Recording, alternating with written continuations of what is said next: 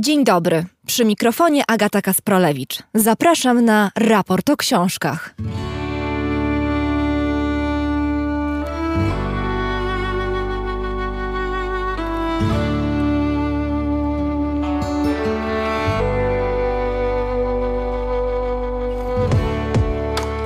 Szumią, dają cień, leczą, są schronieniem i domem dla niezliczonych gatunków zwierząt. Dęby to były święte drzewa. Według starej słowiańskiej legendy, władca burzy i walki Perun wybrał je sobie i to właśnie w dębowym lesie miał urzędować. Wśród sosen, wzdłuż krętego brzegu Świdra, powstawały drewniane domy, niczym z bajki. Lekkie, fantazyjne, wesołe, pełne zdobień i ornamentów. Pewien poeta nazwał je Świdermajerami. W majowym raporcie o książkach opowiemy o czterech stronach drzewa. Taki tytuł nosi bowiem nowa książka Izy Klementowskiej. I pytanie, czy reportaż może być baśniowy? Odwiedzimy też okolice Świdra, by tam, w pełnym majowym słońcu, wywołać duchy domów wraz z Katarzyną Chudyńską-Szuchnik, autorką książki Świdermajerowie. Nie tylko literatura pozwala podróżować w czasie, także muzyka. Świat dawnych Słowian, którzy czcili drzewa i swoją duchowość czerpali z natury, zabierze nas Chris Wawrzak ze swoim zespołem Music Inspired By. Pytanie: co o tym świecie tak naprawdę wiemy? Czy był prymitywny, zabobonny, barbarzyński i pozbawiony duchowej głębi, czy też fascynujący i inspirujący swoim religijnym bogactwem? O tym opowie Dariusz Sikorski, autor książki Religie dawnych Słowian. Raport o książkach istnieje dzięki Państwu. Pamiętam o tym za każdym razem, kiedy przygotowuję kolejny odcinek. Dziękuję za to, bo to dzięki wielkiej hojności naszych słuchaczy ta najpiękniejsza dziennikarska podróż jest możliwa. Każdy, nawet najmniejszy gest wsparcia jest dla mnie największym zobowiązaniem. Jeśli chcieliby Państwo dołączyć do grona naszych patronów, najlepiej zrobić to za pośrednictwem serwisu patronite.pl, gdzie znajduje się profil Dariusza Rosiaka. Jesteśmy w studiu Efektura w Warszawie. Program realizuje Chris Wawrzak. Zaczynamy.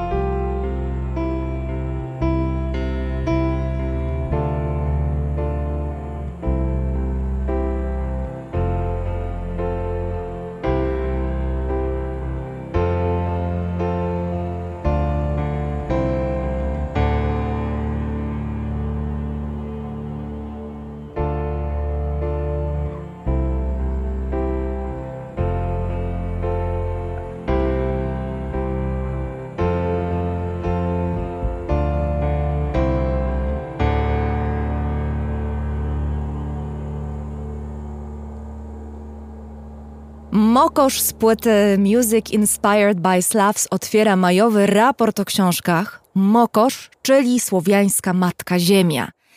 Ziemia to ty, dlatego czujesz rytm serca. To wszystko, co nas otacza, jest tobą. Tak jak jest i mną, ja jestem tobą, ale również tym kaktusem czy tą palmą. Rozumiesz?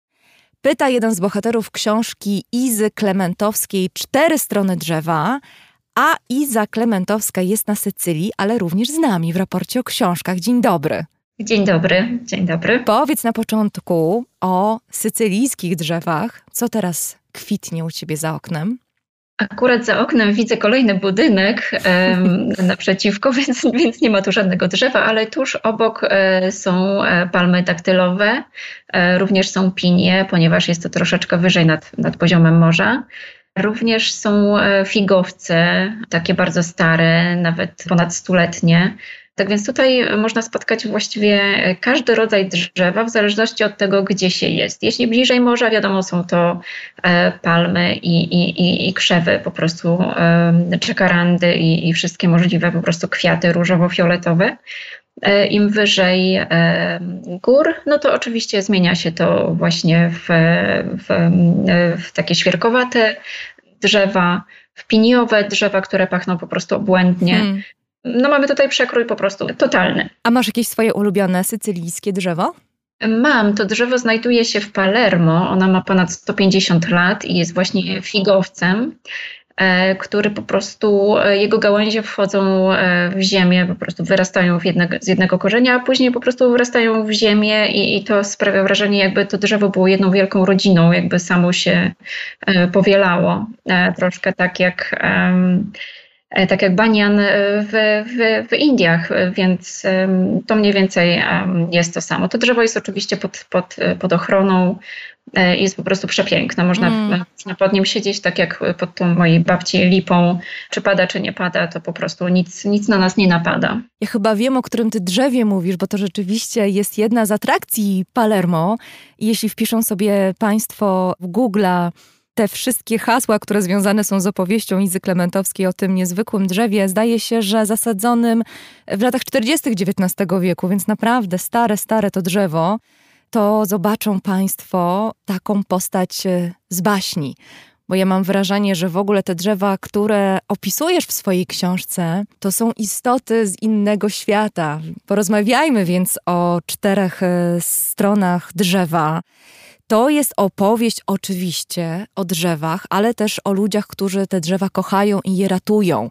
Ludziach e, z najdalszych i najbliższych e, skrawków świata. Zaczynasz od historii lipy, która rosła na podwórku twojej babci, zresztą wspomniałaś już o tym drzewie, i od pewnej baśni, którą ci babcia opowiadała, kiedy byłaś mała. I ja mam takie wrażenie, że cała twoja książka, chociaż jest e, reportażem, to napisana jest jak baśń właśnie. Troszeczkę starałam się pokazać to w ten sposób, ponieważ wszystkie osoby, które spotykałam, które zajmują się drzewami w ten czy inny sposób, właśnie czy dbają o nie, czy czerpią z nich e, jakieś prozdrowotne e, substancje, one traktują drzewa jako, jako postaci troszeczkę z innego świata. Czasami zdawa, zdarzało mi się słyszeć, że, że są to istoty lepsze e, od człowieka. I dlatego po prostu wydawało mi się, że jeśli przedstawię po prostu wszystkie drzewa, które spotkałam, wszystkich ludzi, których e, spotkałam, troszeczkę poprzez e, takim językiem trochę baśniowym, to może um, też my inaczej spojrzymy troszeczkę na drzewa, będziemy je bardziej szanować. Ja zresztą rozmawiając z tymi ludźmi, to słyszałam po prostu, ich opowieści to były po prostu baśnie, więc mhm. Nie, nie można było tego inaczej przedstawić. To są takie, wydaje mi się, świadome zabiegi językowe. Jedną ze swoich bohaterek, szeptuchę Alinę z Kotliny nazywasz staruszką, naczyniu, w którym gotuje dla ciebie napar, garnuszkiem i tak dalej. To nie jest przypadek, prawda, że, że właśnie takim językiem opowiadasz tę historię, takim językiem baśniowym. I tak sobie myślałam e, po lekturze Twojej książki, że gdyby chcieć tę książkę Twoją jakoś zakwalifikować w gatunku literackim, to być może trzeba byłoby utworzyć taką kategorię nową e, reportażu baśniowego. Co ty Reportaż baśniowy, tak. jakoś po prostu wydawało mi się, że słuchając tych ludzi, słuchając tych historii, e, no reportaż jednak to jest pisze się językiem, w którym mówią nasi bohaterowie, a tutaj mm -hmm. po prostu taki był, e, był język, więc nie mogłam jakby tego zrobić inaczej.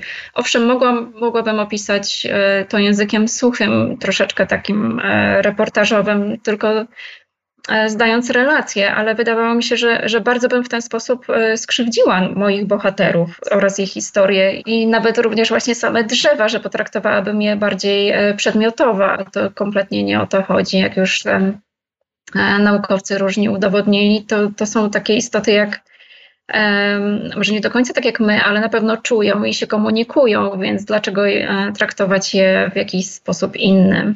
To jest rzeczywiście język, który z jednej strony, tak jak mówisz, odzwierciedla wrażliwość Twoich bohaterów, oddaje też szacunek drzewom, ale mam wrażenie, że jest też odpowiedni do opisania Twoich doświadczeń które wielokrotnie mam wrażenie, że rozgrywają się gdzieś na granicy jawy i snu. No nie wiem, e, twoja wizyta w dżungli w Mozambiku, gdzie znajdujesz schronienie we wnętrzu baobabu, spotykasz tam kobietę, która wychowywała się wśród dzikich zwierząt, no niemalże jak w księdze dżungli. E, czy twoja wyprawa do chaty w Norwegii, w której mieszka inny twój bohater, Orson, z wilkiem, który wcześniej uratował mu życie, a teraz jest jego przyjacielem. Zadaje sobie czytelnik pytanie, czy to się zdarzyło naprawdę. Ja powiem ci, że ja również sobie czasami zadawałam to, to pytanie, czy mi się to dzieje naprawdę, czy, czy są to swego rodzaju ułudy, e, jakieś spowodowane e, po prostu herbatkami i innymi płynami, którymi mnie częstowano, ale Kurandeira akurat z Mozambiku, to nie była jakby jedyna osoba też tam w Mozambiku, którą spotkałam, która była wychowywana w dżungli, w lesie. To pamiętajmy o tym, przez co przeszedł Mozambik, to też pisałam w innej mojej książce, więc tam po prostu czas troszeczkę się dla niektórych ludzi zatrzymał i wiele osób było po prostu porzucanych, bądź nagle zdarzały się zaginięcia dzieci, czy nawet osób młodych i tam trudno się czasami było wydostać również z tych dżungli, zresztą to trudno się wydostać nawet i dzisiaj. E, I możliwe jest pewne zakręcenie, zapętlenie się e, w tej dżungli, kiedy się nie zna e, drogi powrotnej. Takie zapętlenie też czasowe. To spędziłaś tam więcej czasu niż chyba wydawało ci się. Nie było cię tydzień. Nie było mnie tydzień, tak. dokładnie. dokładnie tydzień więc, spędziłaś w Baobabie. Tydzień spędziłam w Baobabie i obok, tak. To było, to było bardzo ciekawe doświadczenie, ale tak jak właśnie po, powiedział mi też Miyakoto, że no to, czego nie widać, nie znaczy, że nie istnieje i jakby i E, to zdanie mi tak cały czas po głowie e, chodziło, kiedy po prostu rozmawiałam z, z moimi wszystkimi bohaterami, którzy zajmują się e, drzewami. Podobnie było z Orsunem, który on był dla mnie najbardziej nierzeczywisty, wbrew, wbrew pozorom, więc Dlatego ja po prostu musiałam pytać ludzi, e, również e, strażnika, który tam w Norwegii właśnie w tym parku, czy ten człowiek w ogóle istnieje, bo się zaczynałam obawiać o, o swoje zdrowie psychiczne. No tak, no człowiek, który leży przed kominkiem, przyjmując pozę wilka, e, patrzy na ciebie tymi błękitnymi oczami, takimi nierzeczywistymi, Mogło się wydarzyć, mogło się nie wydarzyć. Gdzieś tam na granicy jawy i snu, ale myślę, że powiedziałaś e, jedno bardzo ważne zdanie, że to, czego nie widać, nie znaczy, że nie istnieje. Ja mam wrażenie, że taki sposób myślenia reprezentują twoi wszyscy bohaterowie.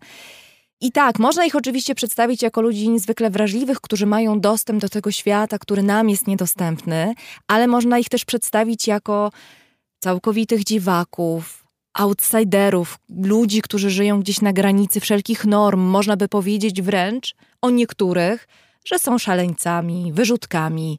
Na co dzień mam wrażenie, my takich ludzi w ogóle nie słuchamy, a wręcz ich nie zauważamy, bo oni żyją gdzieś w jakimś równoległym świecie, którego my całkowicie nie rozumiemy.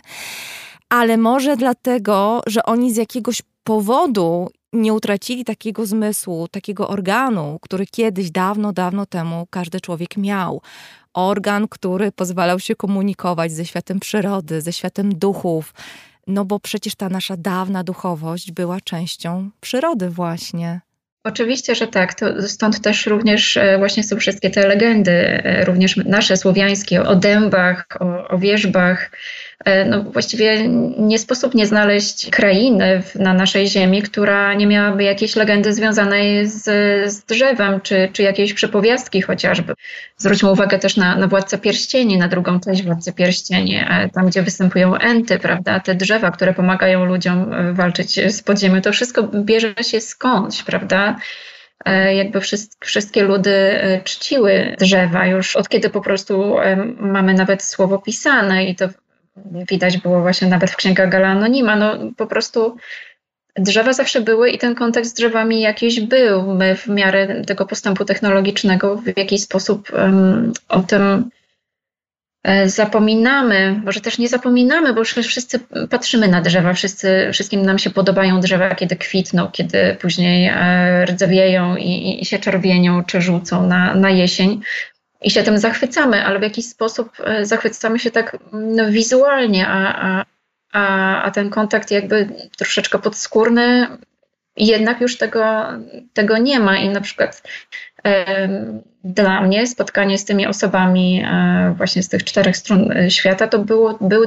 było takie troszeczkę wyniknięcie e, w ich sposób komunikacji z, z, drzewami, ze światem, ze światem natury, którym przecież jesteśmy częścią, e, no, no niepisaną, tylko po prostu wsiedliśmy w samochody, w pociągi i samoloty.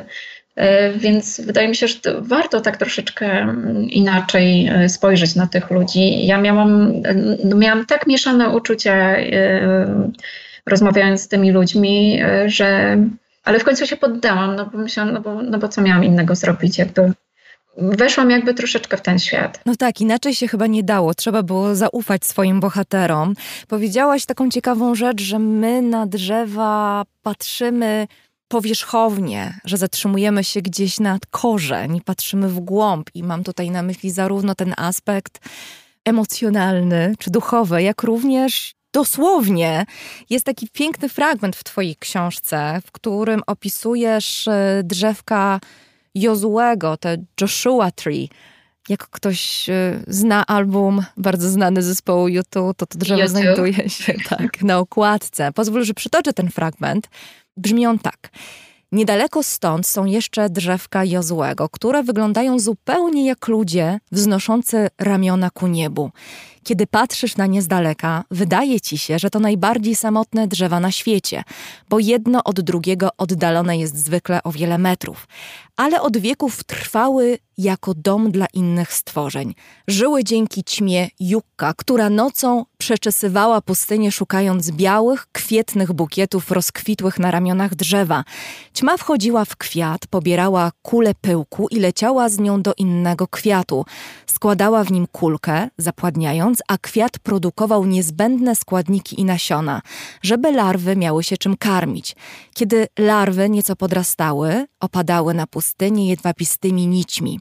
Zakopywały się w ziemi, tworzyły kokon i wyrastały z niego, już jako dorosła ćma. Czasem proces ten i symbioza między nimi trwały nawet trzy lata. Każda część drzewnego ciała Jozłego była jak piętro domu. Na ramionach lądowała mu pustułka z myszą lub królikiem w dziobie. Dzierżby nabijały jaszczurki na ostre liście i traktowały jego grube gałęzie niemal jako solarny grill. Dzięcioł drążył dziury w umarłych i suchych ramionach drzewa, kacyk tkał gniazdo z uschniętych gałęzi. Przedrzeźniacz składał jaja w gnieździe z gałęzi splecionym trawą i młodymi pędami. Szczur drzewny bacznie obserwował pustułkę i budował schronienie z suchych patyków, resztek kaktusów oraz liści drzewa jozłego. Ogromna gąsienica odżywiała się jego korzeniami, termity pożerały zmarłe kończyny i użyźniały glebę. Nocna jaszczurka żywiła się termitami i mrówkami. Drzewo nigdy nie było samotne. Nawet jego cień okupowany był przez kogo tylko się dało. E, to jest e, fragment Twojej książki, który pokazuje, jakim mikroświatem jest drzewo. W tym znaczeniu czysto biologicznym, ale myślę, że też w takim znaczeniu filozoficznym my nie dostrzegamy tego wnętrza drzewa, kiedy na nie patrzymy. Tak, dokładnie. Ja nawet pamiętam, jak, jak ukryłam się w Baobabie w Mozambiku z kolei, jakby zobaczyłam to drzewo od środka, ile tam właśnie mhm. żyjątek, owadów, małych jaszczureczek y, żyje w środku. I pamiętam swoje małe takie y, przerażenie, ponieważ y, przypomniała mi się od razu taka scena z, z, filmu Indiana Jones, w którym po prostu on zapala zapalniczkę czy tam zapałki i nagle widzi tyle chrabąszczy, skorpionów i innych po prostu żuczków, że naprawdę można dostać jakiegoś takiego no, małej, małej telepaweczki, więc ja się wtedy przeraziłam, ale, ale to też jakby wyszło tutaj ludzkie myślenie. Wydawało mi się, że, że nagle te wszystkie stworzenia mnie zaatakują, a, a to ja byłam intruzem przecież w tym ich domu e, i one kompletnie jakby mnie ignorowały. Pamiętam właśnie te mrówki, które po prostu przeze mnie szły i szły i szły i szły, po prostu potraktowały mnie jak jakąś gałąź trochę taką grubszą. E, którą muszą e, przejść, więc e, tak, to tu masz rację, po prostu nie, nie widzimy, co się dzieje z drzewem, w jaki sposób ono funkcjonuje i współżyje z innymi mieszkańcami okolicy danej, że tak się wyrażę, więc a drzewko Jozułego sprawia wrażenie właśnie raz, że osamotnionego, mm-hmm. ale też takiego E, na wpół umarłego, bo, bo to są takie e, no, drzewa, na których no, no nie można liści raczej, raczej spotkać. One wyglądają jakby za chwilę miały się e, też przewrócić jako bardzo słabe drzewa, a one dają właśnie tyle życia. No tak, a tam w środku tętni życie. I w ogóle my często postrzegamy drzewa jako niemalże przedmiot, prawda? My odmawiamy drzewom uczuć. Raczej nie wchodzimy z drzewami w związki emocjonalne. Tak. Twoi bohaterowie to robią. Jedno z pytań, które wybrzmiewa z Twojej książki, brzmi: czy z drzewem można się zaprzyjaźnić? Tak, no i moi bohaterowie pokazują, że jak najbardziej można się zaprzyjaźnić i jest to przyjaźń w pełnym tego słowa znaczeniu. W sensie my coś dajemy drzewu i, i ono też nam coś daje, ale jest to po prostu, jest to wymiana, ale taka jak najbardziej naturalna i, i dobrowolne i nie ma tu wymiany, nie ma transakcyjnej wymiany, może w ten sposób się e, wyraża, tylko po prostu jest darzenie się e, uwagą taką, jaką akurat danej, w danej chwili potrzebujemy. Nawet powiedziałabym, najbardziej mi tutaj właśnie przychodzi do głowy też e, Frank właśnie z pustyni kalifornijskiej, kiedy on po prostu sadząc te wszystkie drzewa, on nawet e, powiedział mi coś takiego, że kiedy je na początku sadził, to nie, nie przypuszczał, że one się tak mu e, odwdzięczą, w sensie mm -hmm ten jego ogród nagle się rozrósł bardzo mocno. No tak, on mieszkał przecież w pejzażu marsjańskim w środku pustyni, a tuż obok jego domu był no, piękny, bujny ogród. Dokładnie tak, kiedy, kiedy on rozsunął e, drzwi e, balkonowe i po prostu i ja myślałam, że to jest Fata Morgana po prostu mm -hmm. co ja widzę. A to po prostu była taka malutka oaza, która po prostu się stworzyła. Tam nawet woda była po prostu, bo, bo on tak podlewał, podlewał, podlewał te, te wszystkie roślinki, że one zaczęły wypuszczać e, soki i też spowodowało to, że woda zaczęła wydobywać się spod, spod ziemi. I to Frank kazał ci położyć dłoń na ziemi i poczuć bicie serca. To od czego zaczęłyśmy rozmowę.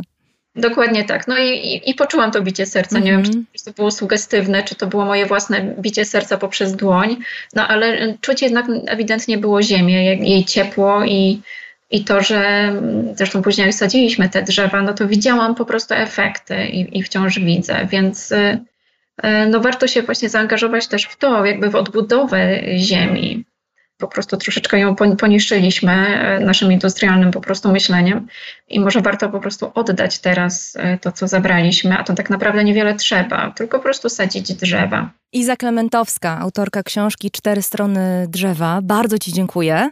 Dziękuję bardzo. Jeśli chcieliby Państwo przeczytać książkę Izy Klementowskiej, proszę pisać na nasz adres raportrosiaka.gmail.com.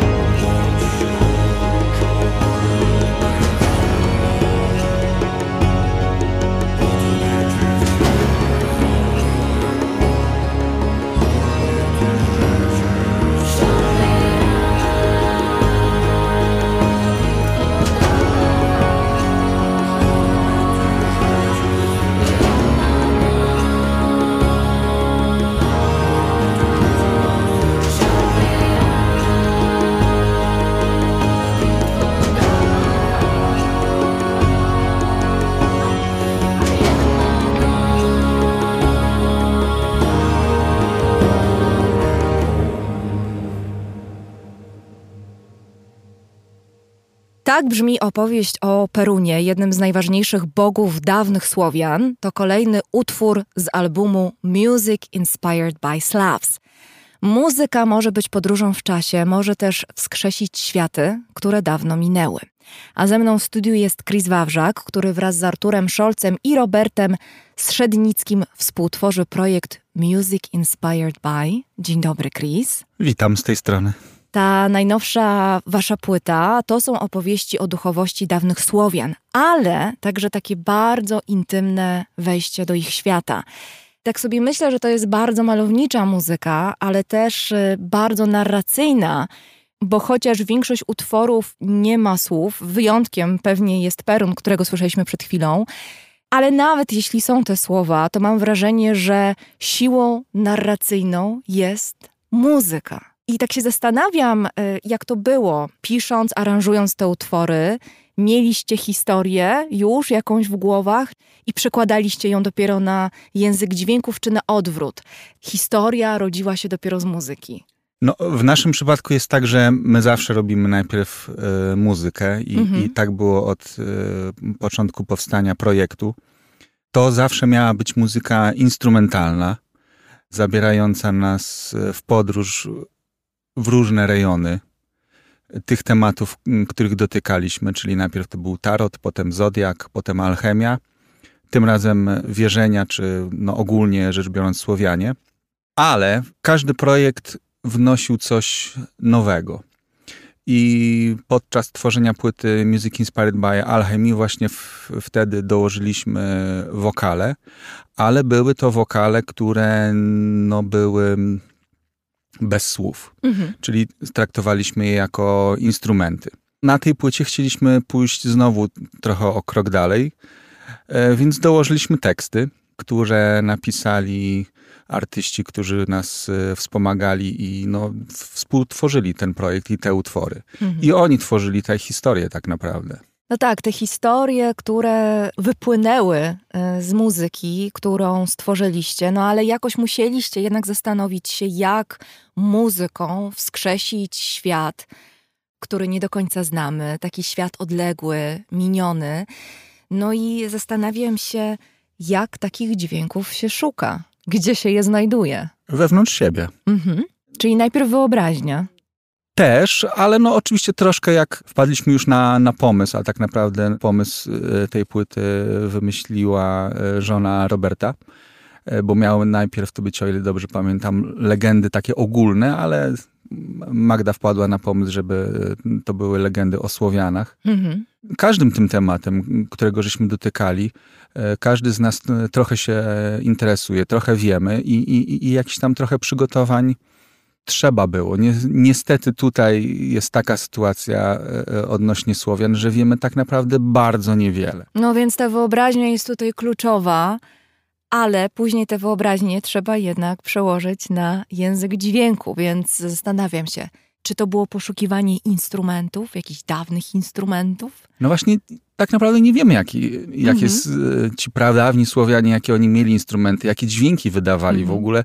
Także cała tu nasza koncepcja jest taka, że e, e, my tworzymy muzykę, która ma pobudzać wyobraźnię e, słuchacza, ma go poprowadzić, dać mu jakiś sygnał, otworzyć jakieś drzwi, ale jakby tą, tą całą historię słuchacz sobie maluje sam przy pomocy tylko i wyłącznie własnej wyobraźni wspomaganej naszą, naszą muzyką. No ja sobie tak pomyślałam właśnie słuchając twojej płyty, słuchałam tej muzyki w kontekście mm, no, też takim literackim, no bo jednak raport o książkach, prawda? I pomyślałam sobie, że te utwory to są takie opowieści wolne od narracyjnych ograniczeń, które zwykle wiążą się ze słowem pisanym. Tutaj ta opowieść powstaje na nowo, gdzieś tam w takim bardzo intymnym krajobrazie, ukrytym pewnie na co dzień e, każdego słuchacza. On sobie może stwarzać tę opowieść na nowo i każda jest inna. Tak, bo chyba można tak powiedzieć i, i jakoś tak to czuję, że, że ta nasza muzyka i to właśnie fajnie, fajnie się skleja z, mhm. z raportem o książkach, bo to jest też taka książka. Tak. Którą po pierwsze trzeba przeczytać od początku do końca, czyli przesłuchać tej płyty po prostu całej. Wiadomo, że nie będziemy wiedzieli o co chodzi w książce, jeśli przeczytamy drugi czy tam siedemnasty rozdział. Więc polecam w ogóle płyt słuchać e, w całości, a szczególnie takich, które tworzą jakoś, koncepcyjną jakąś, tak. całość tak. i w tej kolejności, którą sugerują Oczywiście, artyści. bo, mhm. bo ta kolejność jest no, czasami ekstremalnie e, ważna i ona jest e, tworzona czasem bardzo długo. Mhm. Ja cię, y, Chris, dopytam jednak o te warsztatowe tajemnice, bo nie chcesz zdradzić, y, jakie instrumenty wykorzystaliście, bo ta płyta brzmi tak, jakby jednak tam był ten magiczny element instrumentalny, ale to jest też opowieść o przyrodzie, prawda? Bo, bo z przyrody przecież dawni Słowianie czerpali swoją duchowość i słyszymy tę przyrodę na tej płycie. Zdaje mi się, że cykady, zdaje mi się, że na pewno jest dźwięk ognia, dźwięk wody. Co tak, tam jeszcze jest, jest? Jest nawet dźwięk e, Puszczy Białowieskiej A. nagranej przeze mnie. Mhm. E, a jeśli chodzi o instrumenty, no to tutaj są takie dwa klucze, no bo my generalnie wywodzimy się ze środowiska no, naprawdę tak metalowo-rokowego. Tak. Więc oczywiście ten podstawowy zestaw nie we wszystkich utworach, ale w części jest, czyli e, normalna żywa perkusja, gitara, gitara basowa, klawisze. Jest sporo utworów, gdzie są instrumenty klasyczne, e, skrzypce, wiolonczele, lira korbowa, Korzystamy oczywiście też trochę z sampli, bo, bo nie wszystkie instrumenty po prostu też mamy.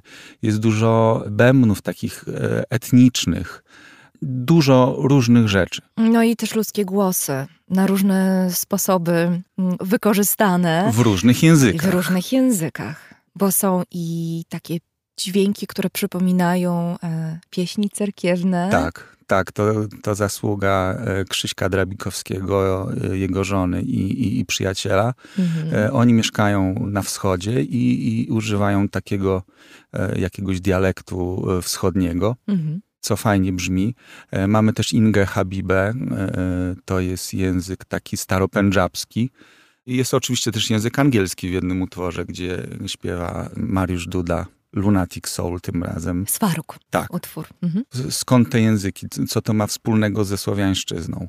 E, no, musimy pamiętać, że słowiańszczyzna jest punktem wyjścia tej płyty. I poruszamy się w, w, różnych kierunkach. Poruszamy się na północ, na południe, na wschód, na zachód.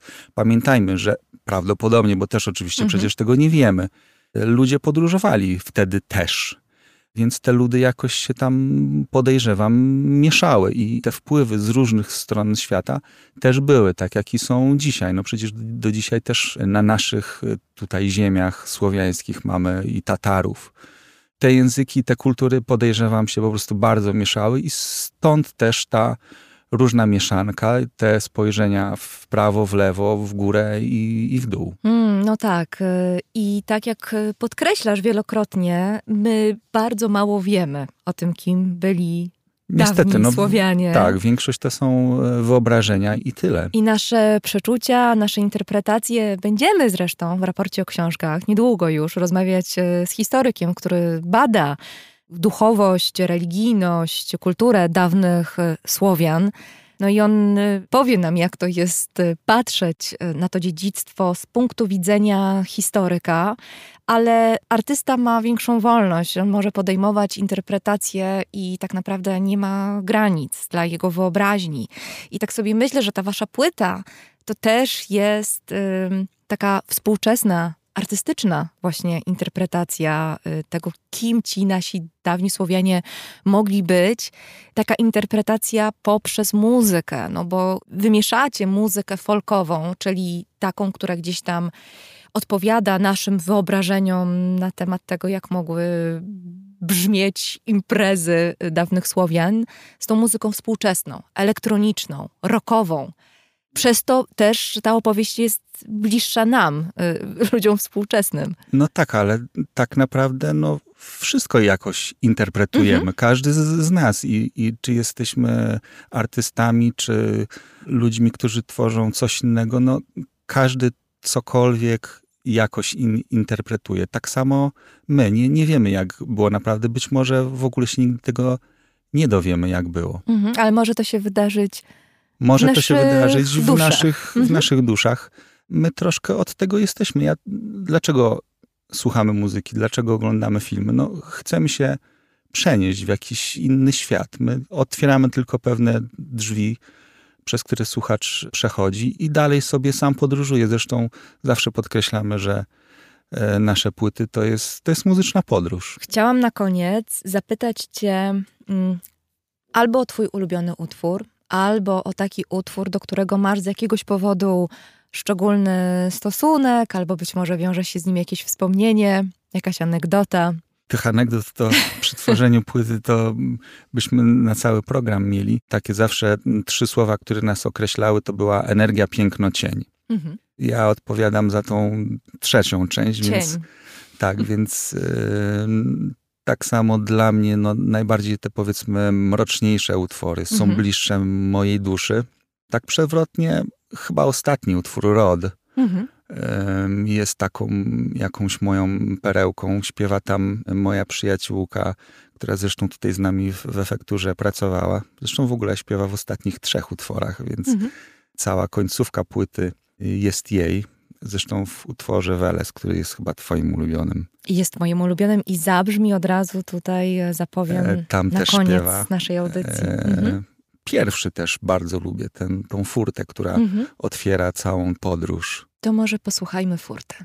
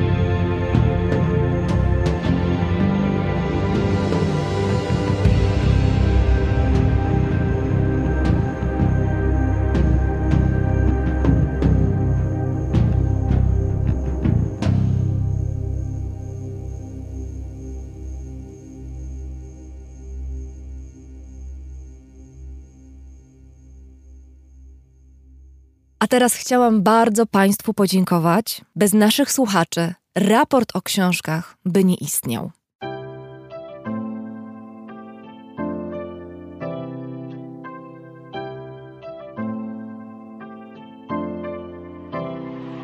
Raport o stanie świata od marca 2020 roku rozwija się dzięki Państwa zaangażowaniu i szczodrości.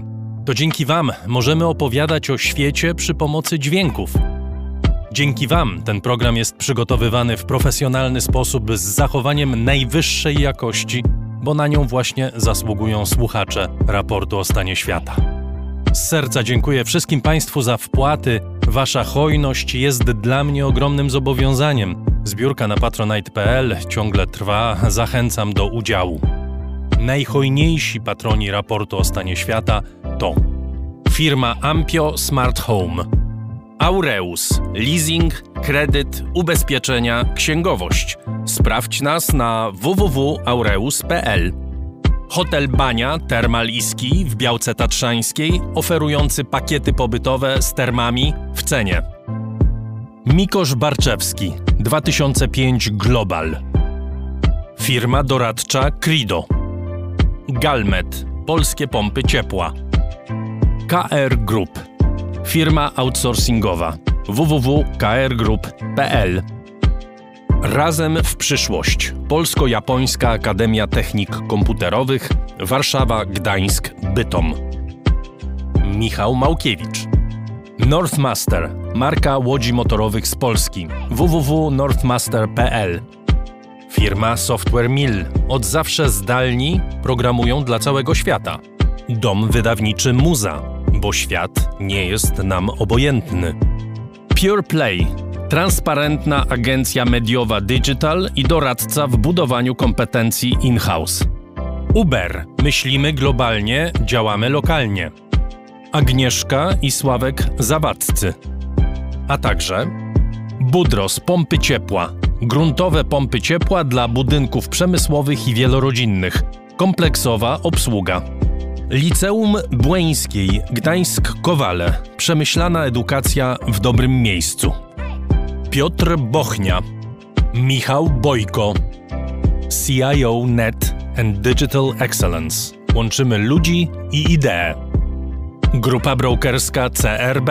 Ubezpieczenie należności dla Twojej firmy. Bezpłatne porównanie ofert www.grupacrb.pl Duna Language Services. Biuro tłumaczeń do zadań specjalnych www.duna.biz. Flexi Project. Kompleksowy i intuicyjny system do zarządzania projektami i portfelami projektów. JMP. Z miłości do sportu, z najlepszych tkanin w sercu Podhala szyjemy dla Was porządną odzież. Palarnia kawy La Cafo z Augustowa. LSB Data. Dedykowane aplikacje internetowe dla biznesu. Masz pomysł? Zrealizujemy go. lsbdata.com Wydawnictwo Uniwersytetu Łódzkiego. Wydawca książek serii Krótkie Wprowadzenie. Wszystko, co trzeba wiedzieć. Leszek Małecki. Aplikacja Moja Gazetka. Polska proekologiczna aplikacja zakupowa z gazetkami promocyjnymi i nie tylko. Moja Gazetka. Kupuj mądrze. Firma Prosper z Sosnowca, hurtownia elektroenergetyczna i właściciel marki Czystuś. Drukarnia cyfrowa totem.com.pl. Dla nas książka zasługuje na najwyższą jakość. Fundacja Wasowskich, opiekująca się spuścizną Jerzego Wasowskiego i wydawca książek Grzegorza Wasowskiego. Szczegóły na wasowscy.com. Michał Wierzbowski. Wayman oprogramowanie wspomagające firmy inżynieryjne w zarządzaniu projektami, stworzone przez polskich inżynierów dla sektora projektowego. www.wayman Software. Dziękuję bardzo. To dzięki Państwu mamy raport o stanie świata.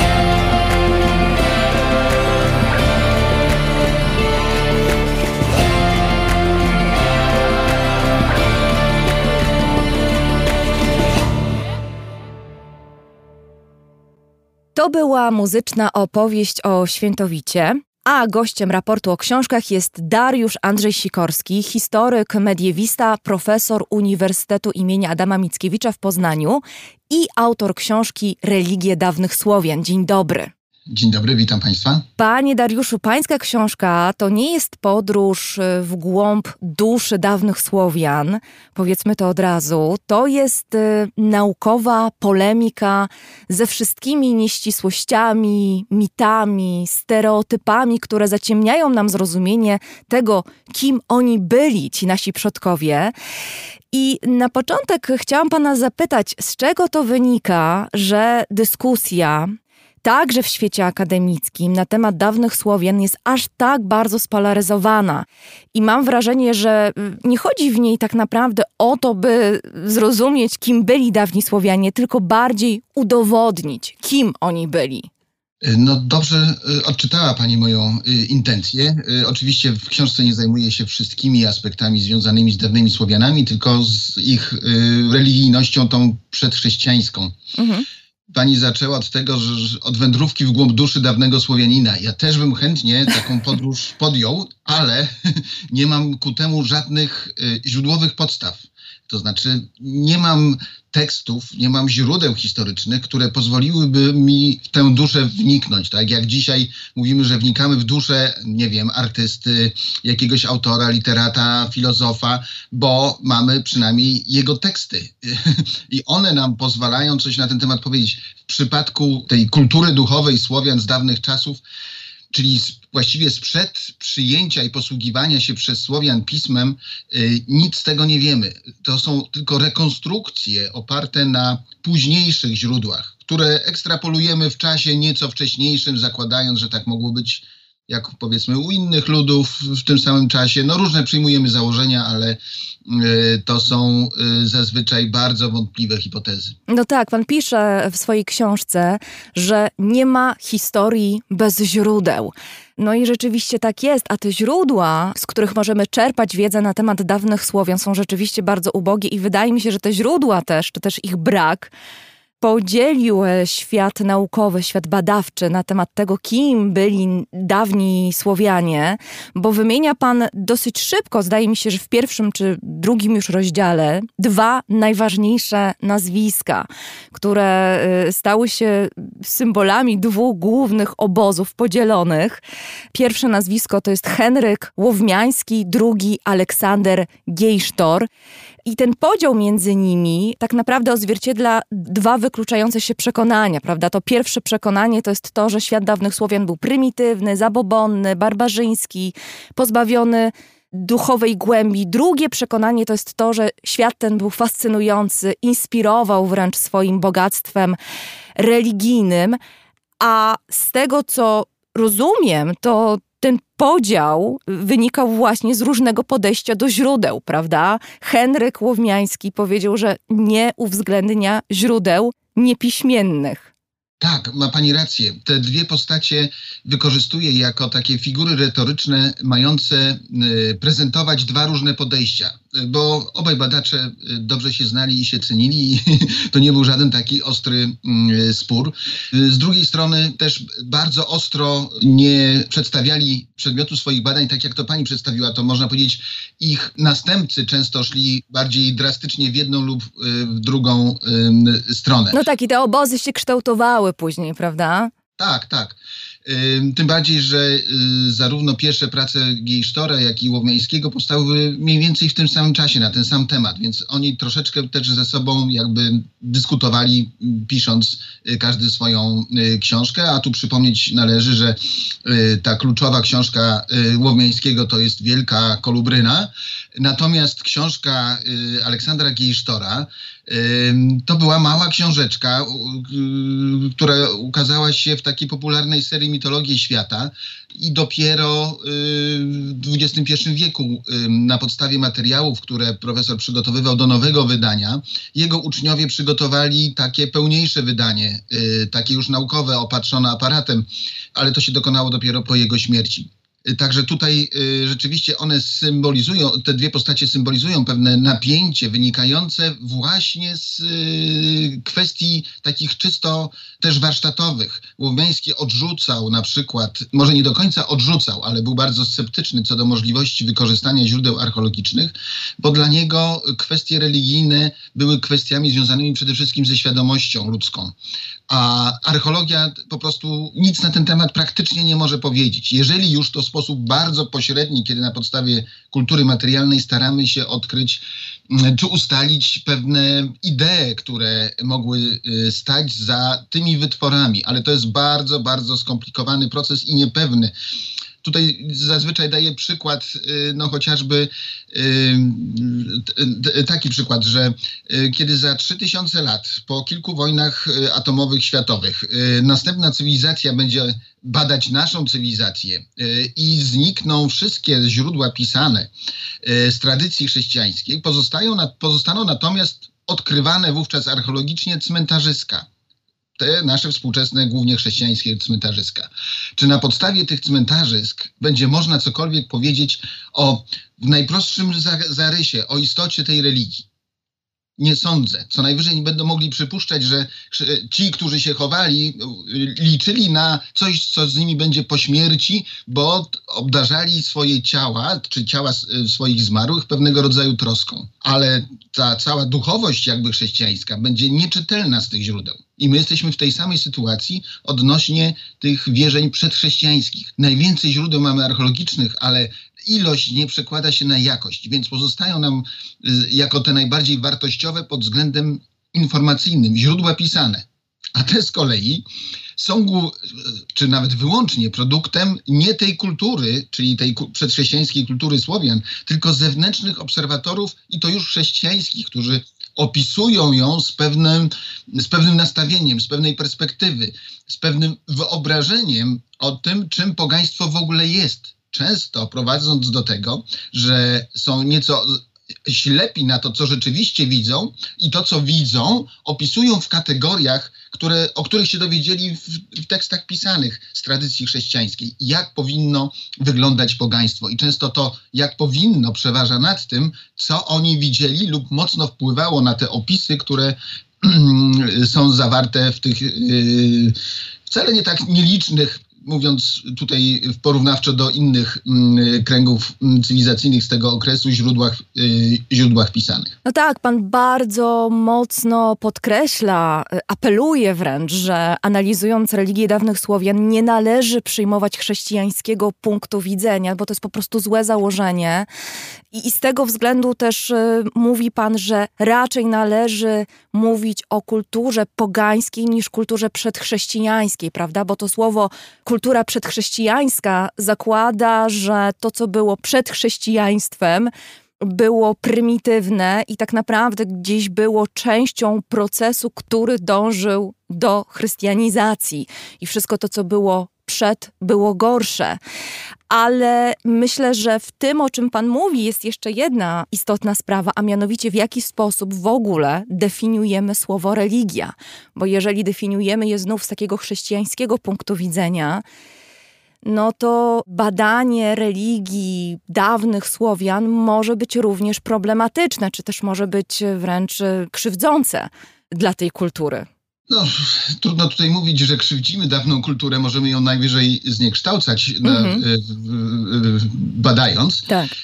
Ale tak, moja książka nosi tytuł Religie dawnych Słowian. Pierwotnie ja zamierzałem ją zatytułować Przedchrześcijańskie religie Słowian, ale wydawca zaproponował taki prostszy tytuł, pewnie dlatego, że przedchrześcijański zawiera tyle skomplikowanych głosek i do tego trudno dobrze wpisać to w przeszukiwarkę, gdyby ktoś chciał się zainteresować książką, więc tu jest wyraz pewnego kompromisu. Ale dlaczego podkreślam taką wagę dla tej terminologii?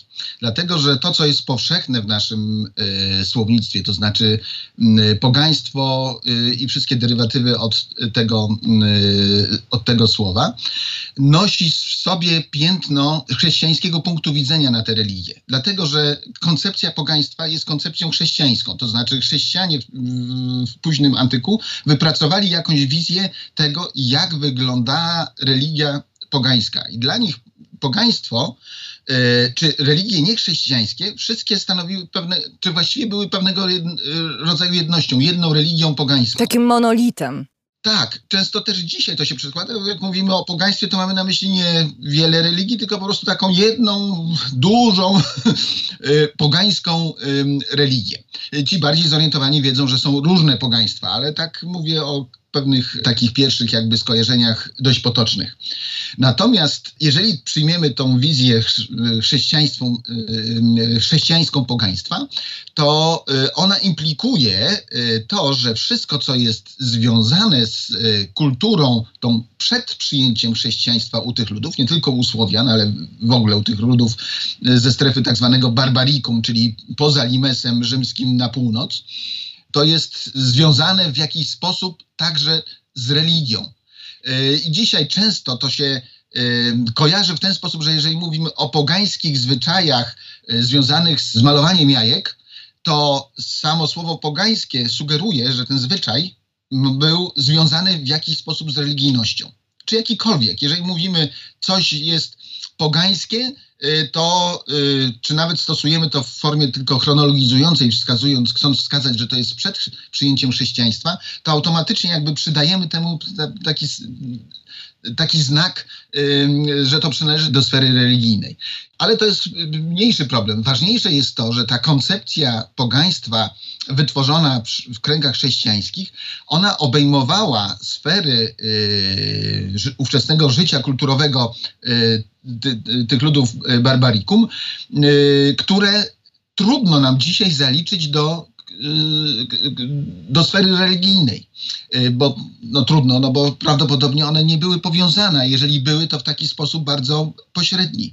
W koncepcji pogaństwa chrześcijańskiego mieszczą się praktyki te ewidentnie związane z religią i kultem, ale też takie, które ówcześni uważali, że są związane z tą religią, mianowicie zabiegi magiczne, wróżbiarstwo, wyobrażenia o demonologii, czyli o różnego rodzaju istotach, które zasiedlają, poza człowiekiem oczywiście, zasiedlają świat. Dla y, ówczesnych chrześcijan to wszystko było przejawem y, działalności y, szatana. To znaczy, nie było tak, jak nam się wydaje, że ówcześni chrześcijanie zaprzeczali istnienia y, bóstw pogańskich.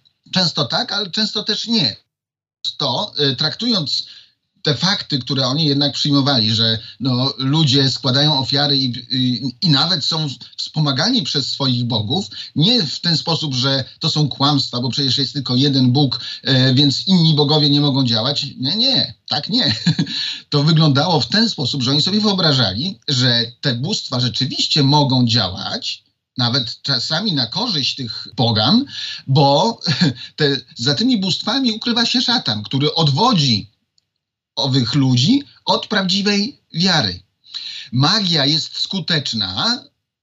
Nie odmawiano skuteczności magii. Nie mówiono, że to magia w ogóle jest czymś złym, dlatego że jest no, nieskuteczna. Ona jest zła, dlatego że ona jest przejawem działalności szatana. Wróżbiarstwo tak samo. Wró uważano, że rzeczywiście wróżby mogą coś nam powiedzieć o, o przyszłości, ale w takim przypadku to właśnie szatan zdobywa nasze zaufanie tym, że parę razy nam dobrze tą przyszłość przewidzi, ale w pewnym kluczowym momencie nas pchnie do działań, które są dla nas zgubne.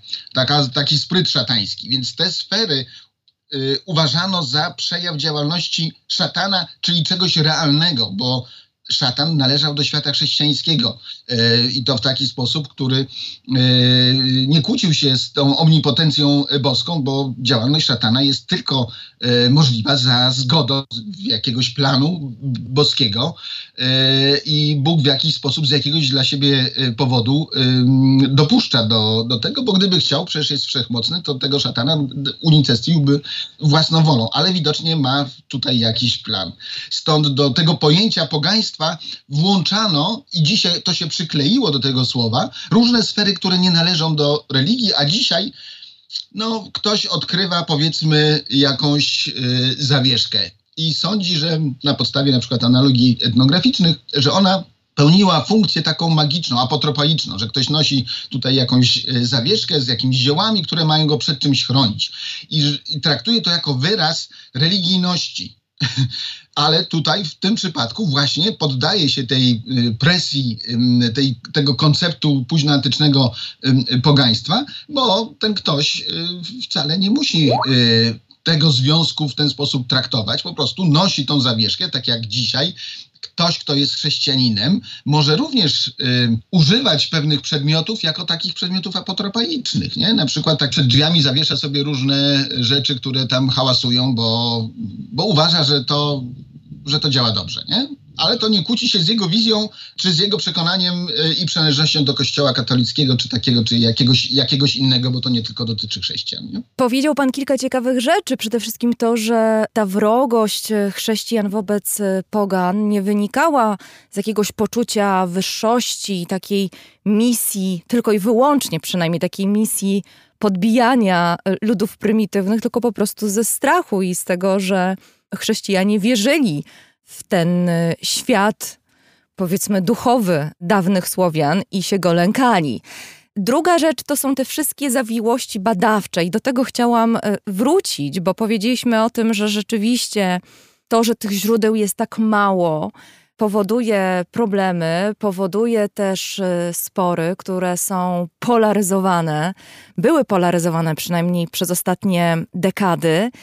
Ale zdaje mi się, i to też wybrzmiewa z pańskiej książki, że nie chodzi tylko o polemikę na temat zasadności użycia pewnych źródeł, a pewnych nie, ale także, i to jest coś, co mnie bardzo zaintrygowało, osobowość e, badacza, czy też jakąś misję, którą badacz, e, naukowiec przyjmował. Jest taki cytat, który pan przywołuje, Jacka Banaszkiewicza, który mówi tak o Aleksandrze Gejsztorze. Gejsztor rozumiał, że to jest walka o coś więcej, nie tylko o mitologię, ale o miejsce kultury słowiańskiej w świecie cywilizacji wyższych, żeby nas nie zepchnąć do smutku śmietników leśnych, polskich.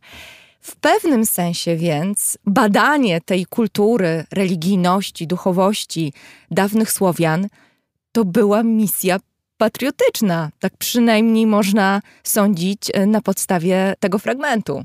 Tak, i do dzisiaj przecież ruchy neopogańskie, czy organizacje takie no, opierające się na tradycji właśnie dawnych Słowian, wczesnych Słowian, e, słowianofile, często powołują się na podobne argumenty, takie patriotyczne, że można by to tak powiedzieć, Polacy nie gęsi i też swoją wysoką kulturę w dawnych czasach posiadali.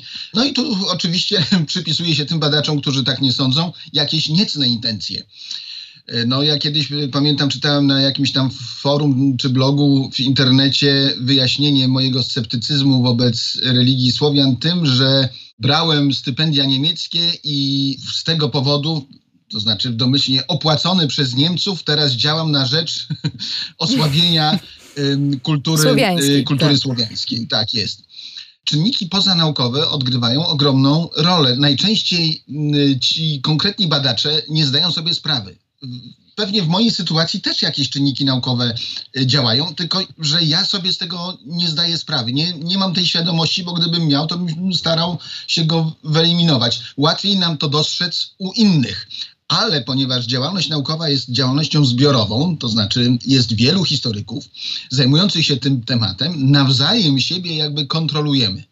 To znaczy czytamy się i wskazujemy, co nam się w pracach innych historyków nie podoba i dlaczego. I jeżeli mamy silne argumenty, no to powiedzmy, wtedy nasza opinia mm, się y, przyjmuje, chociaż nie jest to tak do końca, że tylko siła argumentów y, przemawia, przemawiają też różne inne sprawy, ale ta wspólnotowość y, życia naukowego jest tym zabezpieczeniem przed taką jednostronnością. Dlatego im więcej badaczy zajmuje się danym problemem, tym to jest zdrowsze dla danej y, problematyki, a ta akurat y, cieszy się dość dużym y, powodzeniem, więc tutaj głosów jest bardzo dużo i bardzo, bardzo no różnych. No tak, ale to jest też ciekawe, bo mam wrażenie, że ta pańska książka to jest też po części opowieść o tym, jak powstaje historia, jak wykuwa się z dyskusji, ze sporów badaczy, szczególnie jeśli chodzi oczywiście o tę historię na tyle dawną, że mamy bardzo ograniczone źródła i niemal całkowicie czasami musimy polegać na interpretacji, na pewnych wyborach. Jak na te historie składają się takie rzeczy jak y, osobowość badacza, jego światopogląd, opinie, ale także czasy, w których on zajmuje się daną dziedziną. Więc w pewnym sensie mam wrażenie, że z tej książki pana wyłania się refleksja na temat natury historii po prostu. E, tak, dobrze pani to odczytała. E, mam nawet sygnały, że pracownicy na innych uniwersytetach czasami biorą fragmenty z tej książek dla pokazania takich kwestii warsztatowych związanych z badaniem, żeby studenci zaczynający mieli możliwość jakby odniesienia się do takich najprostszych przy, przykładów. I rzeczywiście było to też moją intencją. Można powiedzieć tak, ta intencja była pierwotna w stosunku do tematu. To, o czym pani mówiła, rzeczywiście to chciałam pokazać. Religie dawnych Słowian y, są tutaj bardzo dobrym przykładem, jak sądzę, na którym można zilustrować jakby metodę historyczną, z tego względu, że tutaj w grę wchodzą nie tylko źródła pisane, ale również y, archeologiczne, etnograficzne, y, ikonograficzne to jest dobry materiał dydaktyczny. Y, I ja też tak staram się trochę czytelnikowi y, pokazać y, nie samo, samo zagadnienie religii dawnych Słowian, ale właściwie to, dlaczego te opinie historyków są tak rozbieżne. Z czego to się bierze. Bo ktoś może sobie pomyśleć, no tak, jeżeli jeden historyk mówi tak, drugi mówi zupełnie coś przeciwnego, to znaczy, że obaj właściwie nic nie wiedzą. To nie jest tak.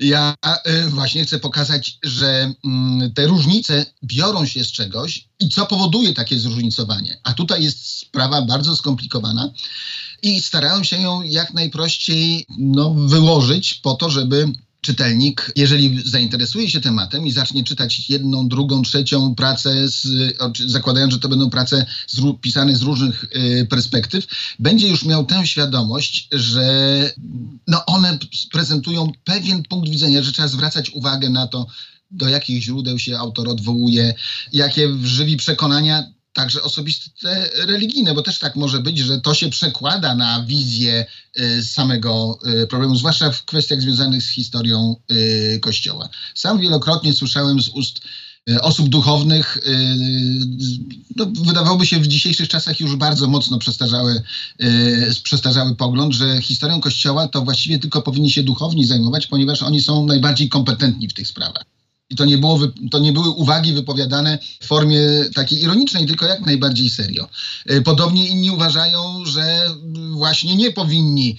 A tutaj to nie ma żadnego, żadnego znaczenia, czy znaczy, jakieś znaczenie ma, bo to, te, tego nie unikniemy, ale jeżeli ktoś trzyma się e, jakby warsztatu metodologicznego, e, warsztatu i metodologii związanej z badaniami historycznymi, to może dojść niezależnie od swoich przekonań do jakichś bardziej trwałych y, rezultatów i wyników tych, tych dociekań. No bo takie jest zadanie historii też, prawda? Gdzieś tam odrzucić te przekonania, poglądy, mity, stereotypy, wszystko to, co pan tak bardzo pieczołowicie w swojej książce rozpracowuje i rozkłada na cząstki pierwsze. Powiedział pan, że próbował jak najprościej to wszystko przekazać. Ja mam wrażenie, że Proste to nie jest, bo jeżeli rzeczywiście przyjmiemy tę metodę, którą Pan proponuje, to nie ma ani jednej prostej odpowiedzi na żadne pytanie, choćby na takie, ilu bogów mieli dawni Słowianie, jakie budowali świątynie, czy może ich nie budowali. Mnóstwo jest tych pytań, i na każde mamy bardzo złożoną bardzo rozproszoną, można powiedzieć, y, odpowiedź, ale Panie Dariuszu, na sam koniec, na chwilę odkładając na bok te wszystkie rozmyślania na temat metodologii naukowej, badawczej, tych wszystkich sporów, tych wszystkich niuansów, które są fascynujące. Chciałam zapytać Pana, jako człowieka, który jednak ogromną część swojego życia poświęcił badaniu kultury, duchowości dawnych Słowian, czego my możemy się od nich nauczyć? Trudne pytanie czego ja bym się nauczył od dawnych Słowian? No nie wiem, czy czegokolwiek specjalnego akurat od dawnych Słowian. No chociażby dlatego, że y, to, czym nasza kultura dzisiaj żyje i, źródła, z których czerpie z przeszłości, to nie są te źródła, że tak powiem, wczesnosłowiańskie. No w pewnych zachowaniach tak. Pewne zachowania mają bardzo długą trwałość i da się to czasami, w niektórych przypadkach, nielicznych zresztą, jakby e, wykazać, ale to nie wpływa w istotny sposób na to, jak wygląda nasza współczesna kultura, która jest jednak w dużej części e, oparta na tradycji grecko-rzymskiej, zupełnie, e, zupełnie innej. I robimy to świadomie, chociażby dlatego, że poprzez chrześcijaństwo ta tradycja w nas nas. Gdyby nie chrześcijaństwo, to ona pewnie by też wcześniej zanikła. Ona jest podtrzymywana, dlatego że jest częścią tradycji chrześcijańskiej. To nie było tak, że na pewnym momencie dokonano wyboru, że tradycja grecko-rzymska jest lepsza, a inne są gorsze. To było uwarunkowane kwestiami religijnymi, a te są najbardziej jakby motywujące każdego człowieka, obojętnie czy ma przekonania religijne, czy jest zagorzałym ateistą. To ma człowiek jakieś konkretne, bardzo mocne przekonania, które, no, jak wiemy, skłaniają często do bardzo radykalnych mm, działań. Więc ja no, zadała mi pani zaskakujące pytanie i ja bym chyba powie, odpowiedział, że nie widzę w sobie niczego takiego, ani nie nie widzę jakby możliwości takiego świadomego nawiązania do owej tradycji mm, wczesnochrześcijańskiej, chociażby z tego powodu, że pod względem no, materialnym czy y, kulturowym ona nie jest specjalnie atrakcyjna, a pod względem duchowym to my nic nie wiemy. Być może oni y, wytworzyli coś interesującego, ale ponieważ to tylko trwało w, tej dawnej, w tych dawnych czasach w tradycji oralnej, nie zostało upiśmiennione, po prostu zaginęło i już dzisiaj nic na ten temat y, nie wiemy. Tradycja grecko-rzymska miała tą, tę wyższość, że oni bardzo szybko pisali. Wiemy, co myślał y, Sokrates, który nie pisał, ale już jego uczeń to wszystko, znaczy nie spisywał tego, co nauczał, ale y, już jego uczeń to zapisał, więc wiemy, możemy dzisiaj dyskutować o, o, o, Sokratesie i o jego myśli. W przeciwnym razie mówilibyśmy tylko o tym, że był jakiś Sokrates, coś tam ponoć powiedział, ale nie wiemy nic więcej na ten temat. Taka jest zasadnicza różnica między właśnie tą tradycją, która ulega upiśmiennieniu i ma szansę przetrwać do naszych czasów, a ta, domniemana oczywiście zazwyczaj, jakiej nie znamy, która po prostu do naszych czasów y, nie dotarła. To może ja przeredaguję to pytanie na sam koniec w takim razie. Czego y, pan y, się nauczył, czy czego warto się nauczyć, badając y, tę kulturę dawnych Słowian? Czego uczy sam ten proces badawczy? Przede wszystkim uczy akurat ten problem y, konieczności budowania warsztatu y, wykraczającego poza tradycyjne źródła pisane, które są kośćcem takim fundamentalnym dla badań historycznych. One powstały w oparciu głównie o źródła pisane, a dopiero z czasem zaczęto je rozszerzać o inne kategorie źródeł. Najwcześniej to robili starożytnicy bo y, archeologia starożytna przede wszystkim była traktowana jako dostarczyciel nie tylko zabytków, e, ale inskrypcji. To znaczy te inskrypcje wyryte na jakichś przedmiotach, na elementach architektonicznych e, były po prostu częścią kultury pisanej. I to głównie interesowało tych pierwszych jakby starożytników wkraczających na pole archeologii. Ale oprócz archeologii to tutaj mamy przede wszystkim etnografię, antropologię kulturową, językoznawstwo, i cały szereg y, kolejnych dziedzin pośrednich, z których historyk y, mający jakąś orientację może wydobyć pewne narzędzia, czy stworzyć sobie własne narzędzia w oparciu o te inne nauki, które pozwalają mu na, ten, na dany problem spojrzeć nieco inaczej. E, wydobyć z tych źródeł coś więcej, albo czasami to jest skutek negatywny, to znaczy stwierdzić, że dotychczasowe interpretacje były interpretacjami, które nie uwzględniały pewnych faktów związanych z procesem y, powstawania tych źródeł, że już w momencie powstawania one ulegały jakby mocno zniekształceniu i nie winą historyka jest teraz, że czytając źródła traktuje je jako taki często traktuje jako zapis taki dziennikarski y, z wydarzeń bieżących, skupiający się na opisie faktograficznym, ale się okazuje, że te zapisy tak zwane faktograficzne często są y, naładowane różnego rodzaju wcześniejszymi przekonaniami autora owych zapisów, które nieświadomie przez niego zniekształcają to, co on widzi. Bo bardzo często ci nasi świadkowie bezpośredni, którzy coś spisują, byli w takiej sytuacji, że widzą coś, ale widzieć a patrzeć to jest coś innego. Im się wydaje, że coś widzą, co w rzeczywistości jest nieco inną formą i ma inne, inne zadania. Ale oni to sobie opisują w takich kategoriach, które są dla nich akceptowalne, które są dla nich znane. To tak jak człowiek, który wybiera się na wycieczkę na egzotyczne wyspy, y, wycieczkowym sta statkiem, podpływa, obserwuje miejscowych tubylców, powiedzmy że jeszcze dzikich, ale to już dzisiaj jest praktycznie niemożliwe. Ale powiedzmy, że to było 50 lat, lat temu, to byłoby bardziej prawdopodobne. Widzi ich jakieś zachowania kulturowe i oczywiście interpretuje je w kategoriach takich, jakie są w jego świecie, w jego kulturze. I te interpretacje takiego przeciętnego turysty zazwyczaj są bardzo błędne. Dlatego powstała antropologia kulturowa, żeby te ludy badać właśnie z pewnym namysłem naukowym, uwzględniając te wszystkie czynniki y, po to, żeby dotrzeć do jakby istoty tych obcych, y, tych innych, tych egzotycznych kultur. No ale tu już znowu wkraczam w dość szczegółowe problemy związane z metodą badań samych źródeł. No, to jest problem bardzo poważny i źródłoznawstwo jest jakby specjalną dziedziną badań historycznych, skupiającą się właśnie na badaniu samych źródeł jako takich. I tutaj postawimy kropkę. Dariusz Andrzej Sikorski, profesor Uniwersytetu imienia Adama Mickiewicza w Poznaniu oraz autor książki Religie dawnych Słowian był gościem raportu o książkach. Bardzo panu dziękuję. Ja również. Do widzenia. A teraz Music Inspired by Slavs poprowadzi nas na wschód.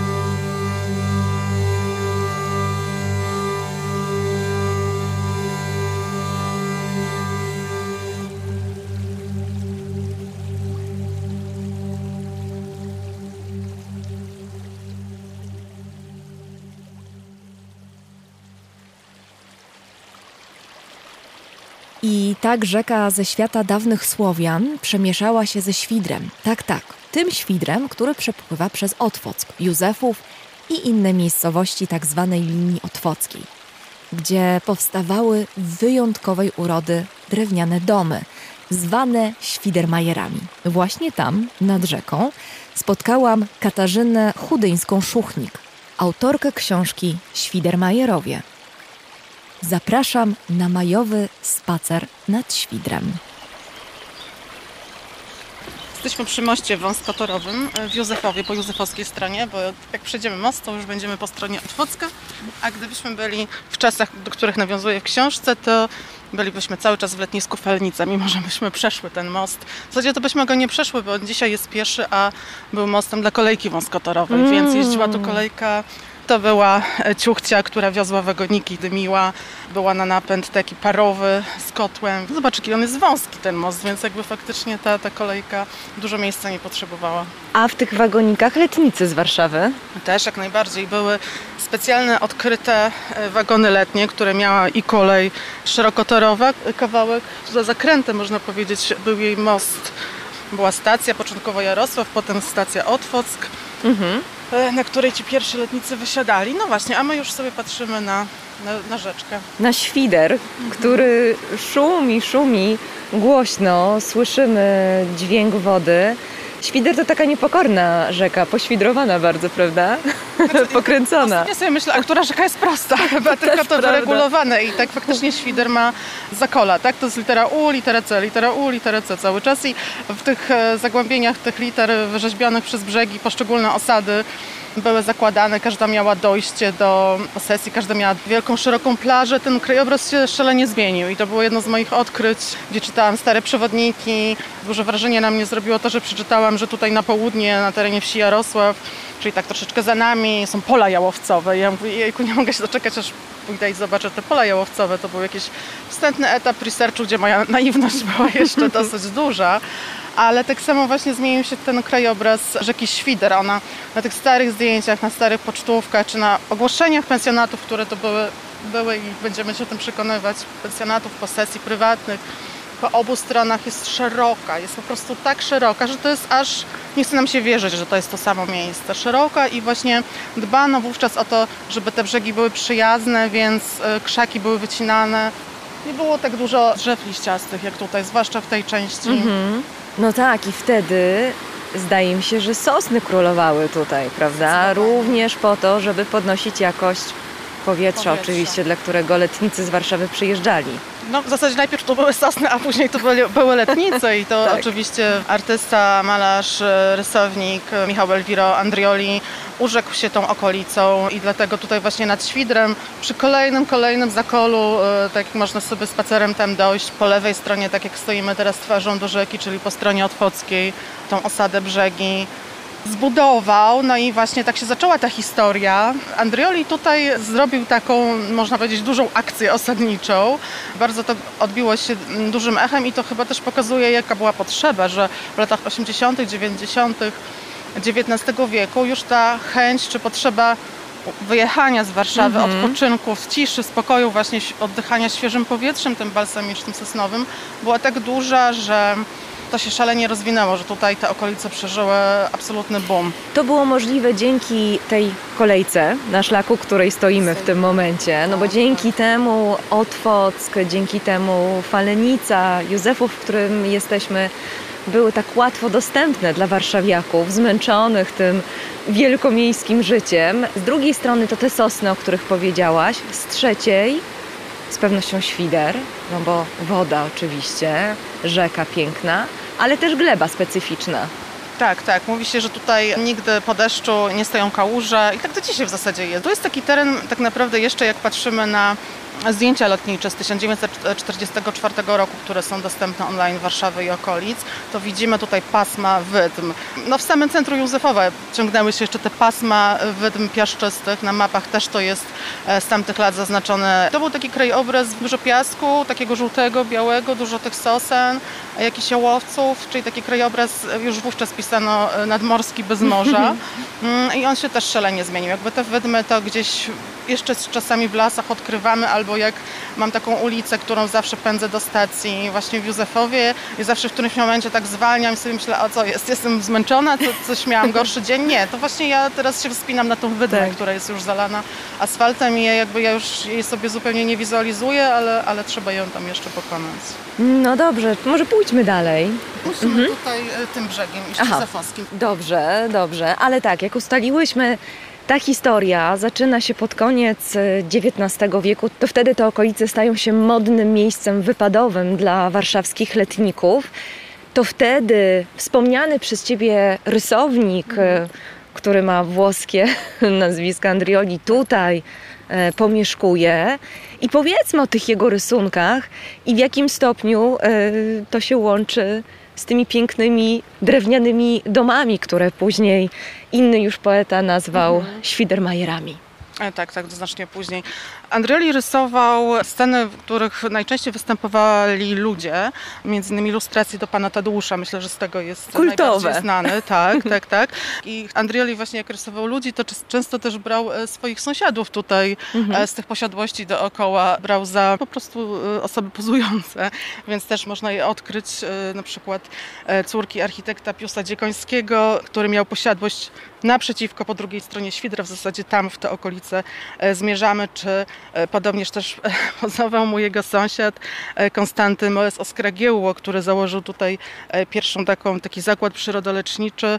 Miał jarchatę, czyli kąpiele słoneczne, promował czy wykorzystywał do leczenia, no i też dietę wegetariańską promował, co pod koniec XIX wieku było dosyć no w ogóle było absolutną nowością, mhm. szokującą tutaj dla ludzi.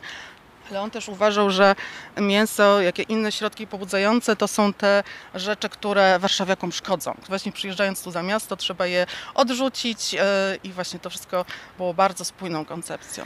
I jakże powracającą również koncepcją, jak się okazuje dzisiaj, wiele, wiele lat później, w 2023 roku te pomysły na to, jak wypoczywać, wydają się niezwykle aktualne. No bo co dzisiaj warszawiacy robią, jeżeli nie szukają właśnie jak najbardziej zdrowej mhm, diety? E, Jakże wegetarianizm przecież tak. jest modny. Wyjeżdżanie za miasto, szukanie plenerów. Dzisiaj jogę uprawiamy, prawda, w plenerze. Mhm, mhm. Ta historia wraca. Wraca, cały czas wraca, cały czas te nasze e, potrzeby są takie same, mimo tego, że te pokolenia prawda, mijają i, i czasami nawet jakby tego ducha miejsca nie ma już w miejscu, bo krajobraz się przeistoczył zupełnie, ale jakby nagle się okazuje, że w nas są jakieś takie, na potrzeby książki używam sformułowania letnie tryby. No letnie tryby, tutaj widoczne bardzo, miejsce, gdzie nie wiem, czy miejscowi, czy przejezdni rozpalają ognisko nad świdrem i się relaksują tutaj. Tak, tak, tak. Ja pamiętam właśnie opowieści moich rozmówców, że po pracy wysiadało się na stacji w Józefowie, to jest około półtora do dwóch kilometrów stąd, i ludzie jeszcze z tymi steczkami, z tych płaszczach szli prosto tutaj. Steczki wejmowali jakieś wino, jakąś flaszkę i tutaj ze znajomymi spędzali ten czas, tak? spędzali ten wieczór. Była taka, można powiedzieć, kultura wypoczynku. No, to się trochę zmienia, bo jak widzisz, te brzegi też są takie, no nie wiem, czy tak spontanicznie każdy by tutaj chciał usiąść i czułby się dobrze. Jest trochę zarośnięte, prawda? tutaj jakiś śmieć leży, no więc jakby... No nie ma pewnie tej elegancji, prawda, letniskowej, która tutaj przypuszczam, że dominowała w tych czasach, kiedy powstawały te piękne drewniane domy, o których piszesz. Tak, tak. Ja, ja też cały czas mam poczucie, czy to, to gdzieś tam z tyłu głowy, nie tak na pierwszy rzut oka, że my jesteśmy w takiej okolicy, która jest post tak? Czyli coś tu było, wydarzyło się i teraz tego nie ma. Czyli mhm. jesteśmy w takim postkurorcie i sama, sama rzeka zmieniła się tak zupełnie. Widzimy dno, widzimy piasek, ona jest taka przejrzysta, jest leniwa, ale nie ma już takich plaż, które by zachęcały właśnie do, do wyciągnięcia tu kocyka, prawda, i rozłożenia się. Jest tu bardziej tak dziko, można powiedzieć. No tak. Ciemno. Niektórzy mówią, że rzeka właśnie zrobiła się ciemna. No tak, w tym, w tym miejscu świder już spokojny, już się nie wrywa, tak? tylko sobie spokojnie płynie. No i ptaki nam śpiewają, maj w końcu. Padły już dwa ważne nazwiska: Andrioli, Dziekoński no to powiedzmy to trzecie, chyba najważniejsze dla tej naszej opowieści o Świdermajerach. To jest dobre miejsce, wiesz? Żeby wspomnieć? Wspomnieć, tak, bo już widać tą plażę Czerwone Aha. Mury, a dokładnie możemy się tu nawet zatrzymać i spojrzeć sobie na drugi brzeg Świdra. No co my widzimy? Jakąś taką skarpę porośniętą, przewalone konary drzew, no i w głębi też las, taki gęsty, raczej chyba nawet liściasty, prawda? Tam tak. jest jakaś pojedyncza sosna, trochę sosem tam. Właśnie tam rozpościerała się, rozpościera się nadal bardzo duża posesja należąca do rodziny Maksimow, Maksimowych, jak mówiła Kira Gałczyńska.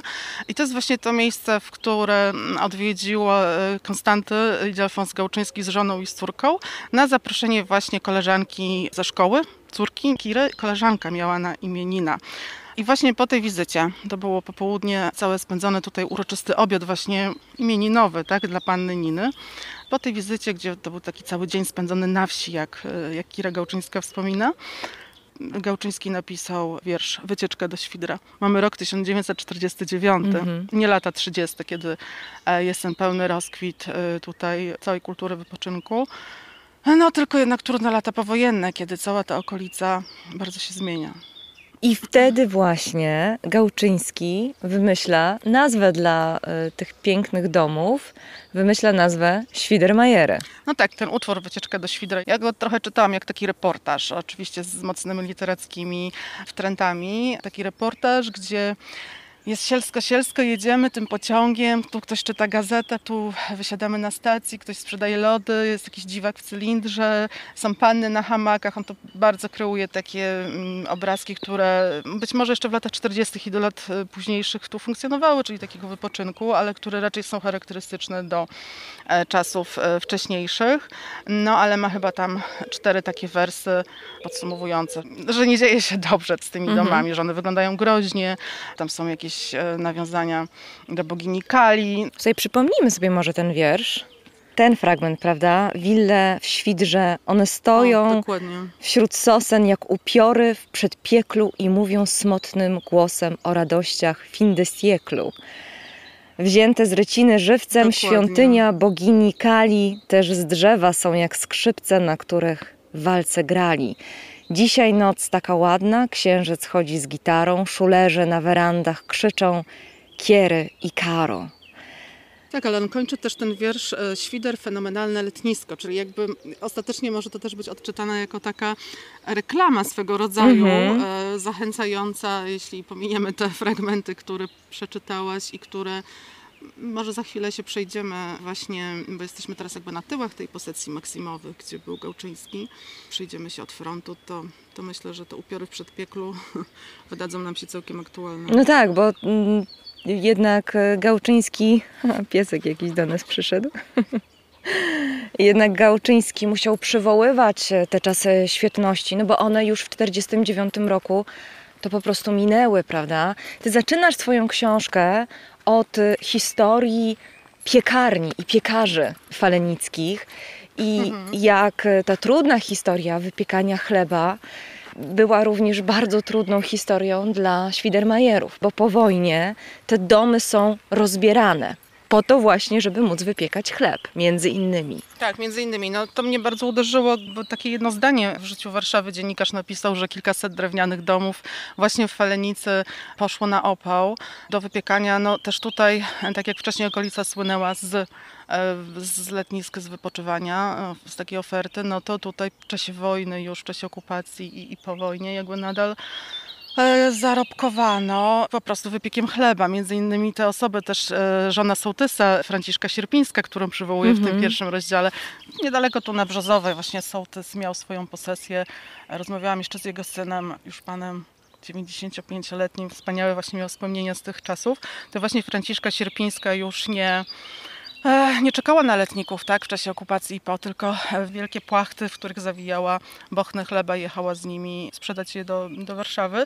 Ale właśnie w Falnicy też pieczono bardzo, bardzo dużo i też w tych drewnianych, opuszczonych willach e, po prostu stawiano piece, tak, murowano piece, żeby, żeby ten wypiek mógł tam zaistnieć. A co do opału, no, no niestety, no, w tych domach paliło się wszystko, bo podmurówka była tylko na dole właśnie z cegieł dosyć nieduża. E, mata, tak, e, ta trzcinowa, kolki, no i przede wszystkim deski. Cóż, że wycięte mhm. jak w jakieś finezyjne wzorki, no ale to był materiał, który się palił i on był też dostępny, bo domy po prostu no, stały puste. Wiele z tych domów można było e, ogołacać i też e, trzeba trochę podchodzić ze zrozumieniem do, tych, mhm. E, do tej sytuacji, no bo czasy były szalenie trudne i, i sami na przykład mieszkańcy getta otwockiego, oni nie mieli innego wyboru, tylko po prostu rozbierać niektóre z tych domów na opał i tak jak historycy podają, to w samym Otwocku też około 200 domów już w czasie wojny zostało w, w ten sposób no, zlikwidowanych.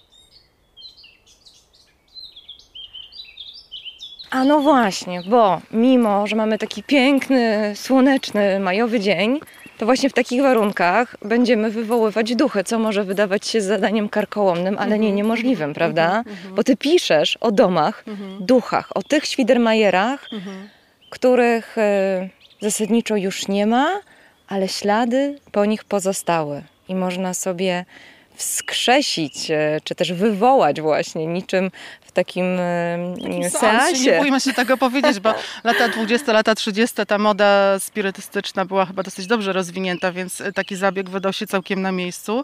A tych przyrządów do inwokacji duchów mamy też sporo. Raz, że trochę jest tych pozostałości w terenie, które są takie intrygujące do tropienia, a dwa, że właśnie mamy też pamięć ludzką, czy stare mapy, które się zachowały, które nam potrafią uzmysłowić, w jakim ogromnym królestwie ducha, już używając tego starego języka, jesteśmy, czyli no, jeśli tych domów było kilka tysięcy, tak lekko zakładając około 5 tysięcy na terenie całej linii otwockiej, a zostało nam około 1 dziesiąta, no to z jaką ilością duchów mamy do czynienia, z jakąś ogromną. Też oczywiście nie chcę tu e, nikogo przetłoczyć, ale chcę pokazać, jak bardzo był to dla mnie ciekawy obszar do mhm. eksplorowania. No dobra, to poszukajmy w takim razie tych śladów, czy też tych duchów.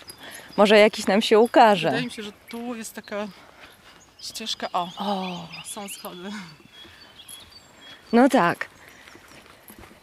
Zielona polana, y, gdzie niegdzie jeszcze sosny, dużo drzew liściastych, po lewej stronie płynie świder, a tutaj nagle mamy kamienne schody, które prowadzą do kolejnej części lasu. Czyli nie ma ciągu dalszego, prawda? Nie ma ciągu dalszego, ale tutaj były, zobacz, całkiem wygodne, prawda? Taki skok nie za duży. Tutaj też w ogóle był taki teren, rzeka jest troszeczkę w oddali, gdzie rzeka lubiła sobie brać duże zakole i zalewać. Aha, czyli możliwe, że z tych schodów prosto możliwe, do wody tak. można było wskoczyć tak, tak, nawet. Tak. To jeszcze osoby, no powiedzmy mojego pokolenia, 40-latkowi dzisiejsi, pamiętają, że w dzieciństwie tak było, że ta woda tu dochodziła, mhm. jak sobie tak płynęła, prawda, po zimie rwącym potokiem i zostawiała biały, wypukany piasek, więc to też było przyjemne. No to, to były, te schody były też dosyć eleganckie, miały takie obramowania, gazony też betonowe po bokach, no i te bzy, które tutaj, prawda, tak. E, odbijają jak szalone, e, mimo że jesteśmy w lesie i tutaj już nikt tego e, nie reguluje. No, no tak, i nikt o te schody już nie dba, mnóstwo w nich tak, pęknięć. Nie, tak, nikt mhm. nie dba, ale to, że tak idziemy sobie dzisiaj wygodniej, że je widzimy i że nie są zarośnięte, jest jednak zasługą mieszkańców, mhm. którzy lokalnie co jakiś czas się skrzykują i tutaj te schody odkrzeczają, więc jakby tu muszę im oddać zasługę, że jest taka bardzo fajna akcja spontaniczna dbania o te ślady. Ale tutaj słuchaj, zobacz, mhm. co mamy. Po obu stronach sosny posadzone, więc można się tam udać i zobaczyć, dokąd nas zaprowadzi. Tak, te sosny tworzą taką alejkę, prawda? One rosną tak, jakby tutaj była jednak droga prowadząca do domu, być może, tak? Tak, tak, tak. Tutaj już bardziej trzeba inne przyrządy do inwokacji tak. ducha, czyli mapy Mamy tu dostępne dzięki uprzejmości jednej z badaczek e, mapy geodezyjne, gdzie są wyrysowane posesje i na posesjach zaznaczone są, są budynki. Tu musimy trochę pobłądzić. Myślę, mhm. że. Mm. O, już widzimy pierwszą pozostałość. Ach, tak. Tutaj po mojej lewej. Dobra, to idziemy tam.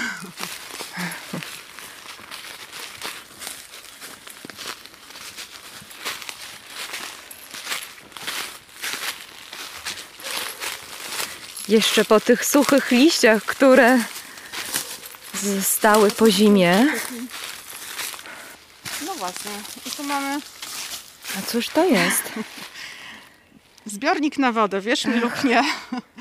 tak mówią ci, którzy to przeanalizowali. Tutaj Stefania Chmurska, właścicielka posesji, na której stoimy, miała ogród. I za chwilę dojdziemy już e, do domu ducha. Mhm. Z tymi duchami to też jest tak, że badając je takim językiem metafizycznym. metafizycznym, to widzimy to, że ich resztki są w ziemi, bo mhm. czasami nawet jeśli dom jest rozebrany, to widać też, te zbiórki do dzisiaj mają miejsce, no, jakby te fragmenty tych desek, te trociny, tak one wsiąkają w ziemię i gdzieś tam ta mhm. materia cały czas zostaje, tak w, w przestrzeni są widoczne kształty po tych domach, e, no i czasami drzewa też się tak charakterystycznie pochylają. A tutaj widzimy mhm. ten rów doprowadzający wodę do, yy, dalej. A tutaj to studnia jest. No właśnie, tutaj, tutaj pewnie był zbiornik taki y, też w postaci studni i tutaj jak się rozejrzymy, mhm. popatrzymy w lewo, to będzie, będą fundamenty domu.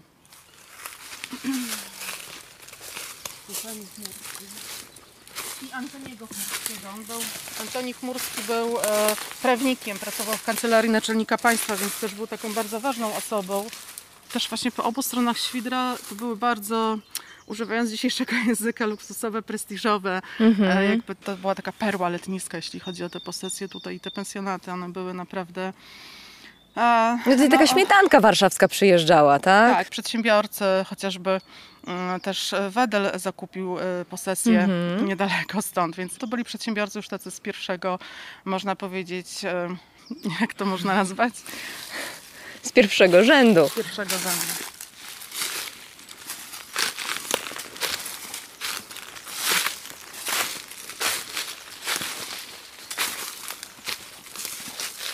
No tak, bo Świdermajery to były domy jednosezonowe, prawda? One właściwie były przeznaczone tylko na lato. Stąd też mówi się na nie letniaki, właśnie. Drewniaki chyba też, ale myślę, że drewniaki to mogło się bardziej przyjąć już po wojnie. Też nie mówiono właśnie Świdermajery, tylko tak za czasów Andriolego mówiono, że to są dworki, drewniane dworki lekkiej konstrukcji, co właśnie odnosiło się no do tego, że są całe drewniane, że są szybko stawiane, tak, bo to w miesiąc można było postawić.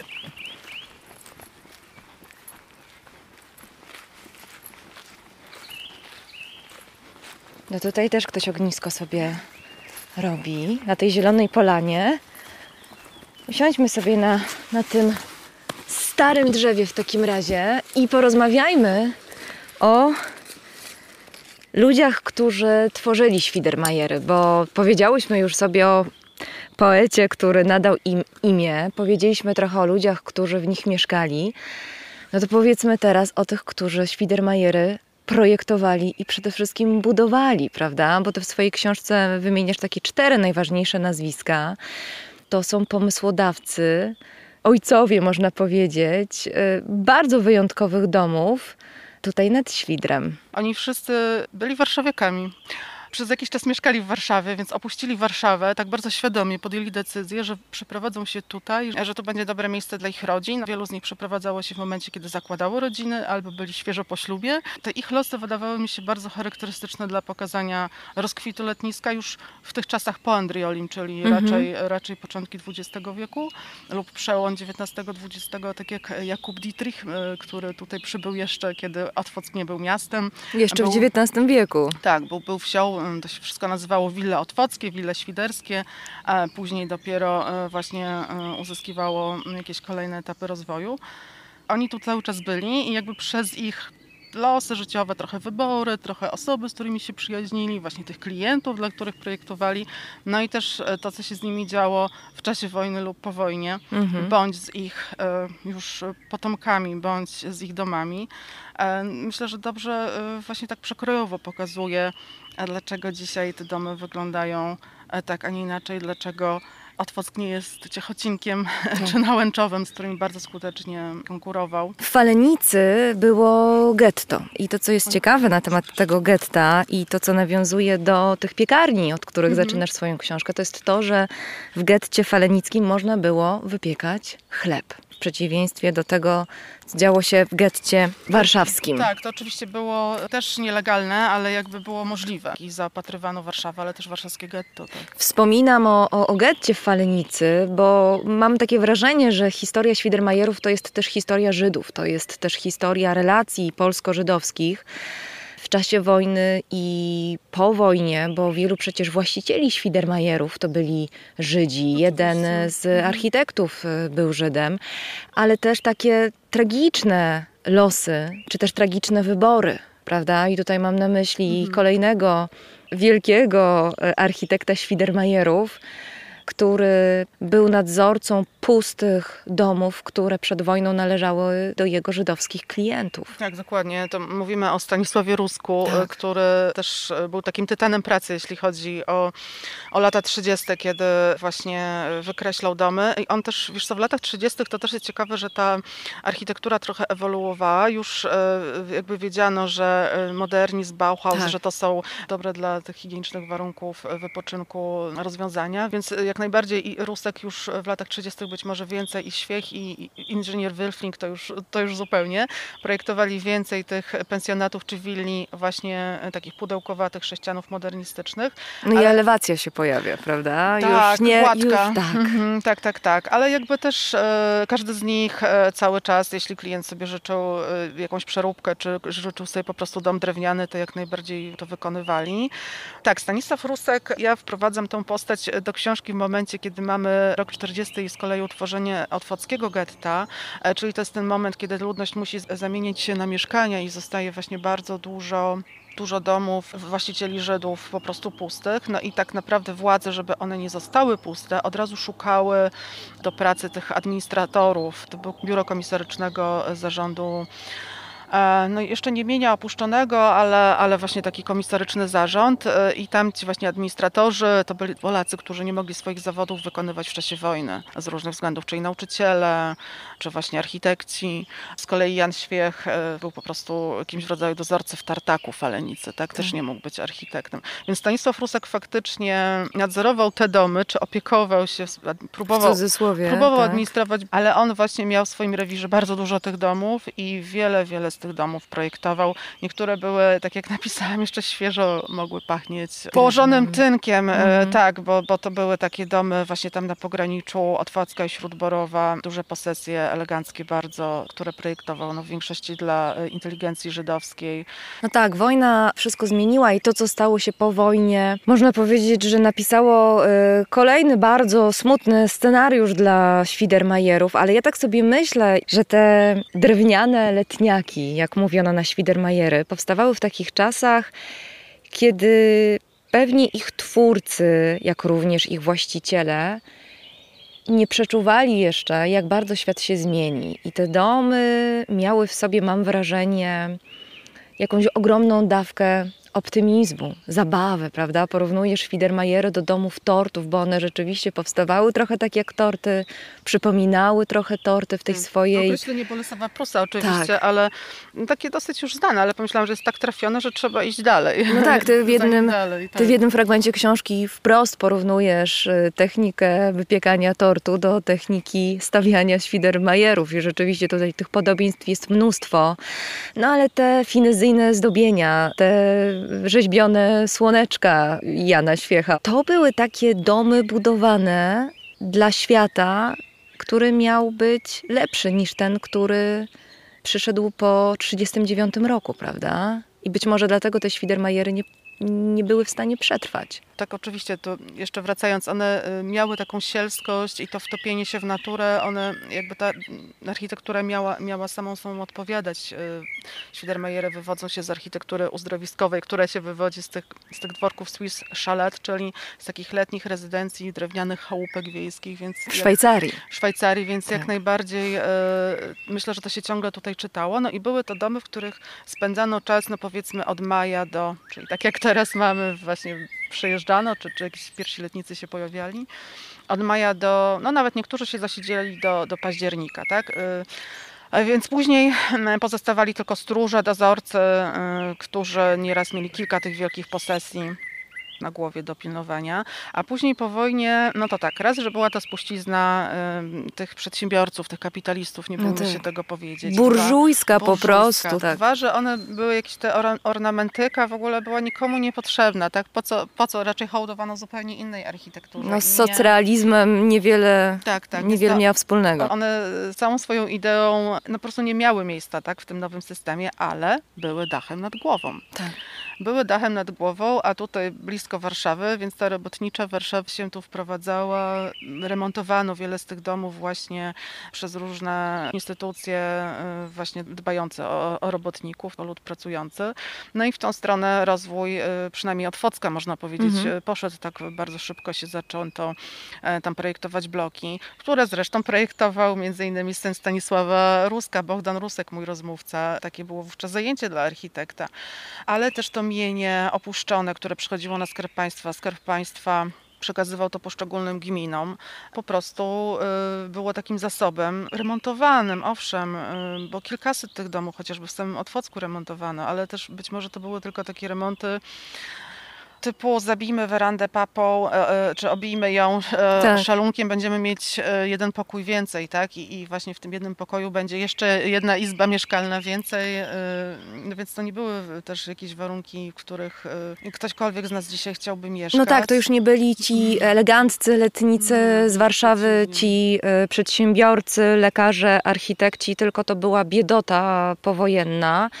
Y, zaczynają się kwaterunki i powstają wtedy mm, domy Pekiny. Ty tak nazywasz e, te Świdermajery, które ja się trochę, zagęszczają tak, bardzo. Tak, wejdę ci w słowo, bo ja trochę zastanawiałam się, czy sięgać po język mówiony, język potoczny, jednak do reportażu, w którym dużo e, takich literackich rozwiązań stosuję.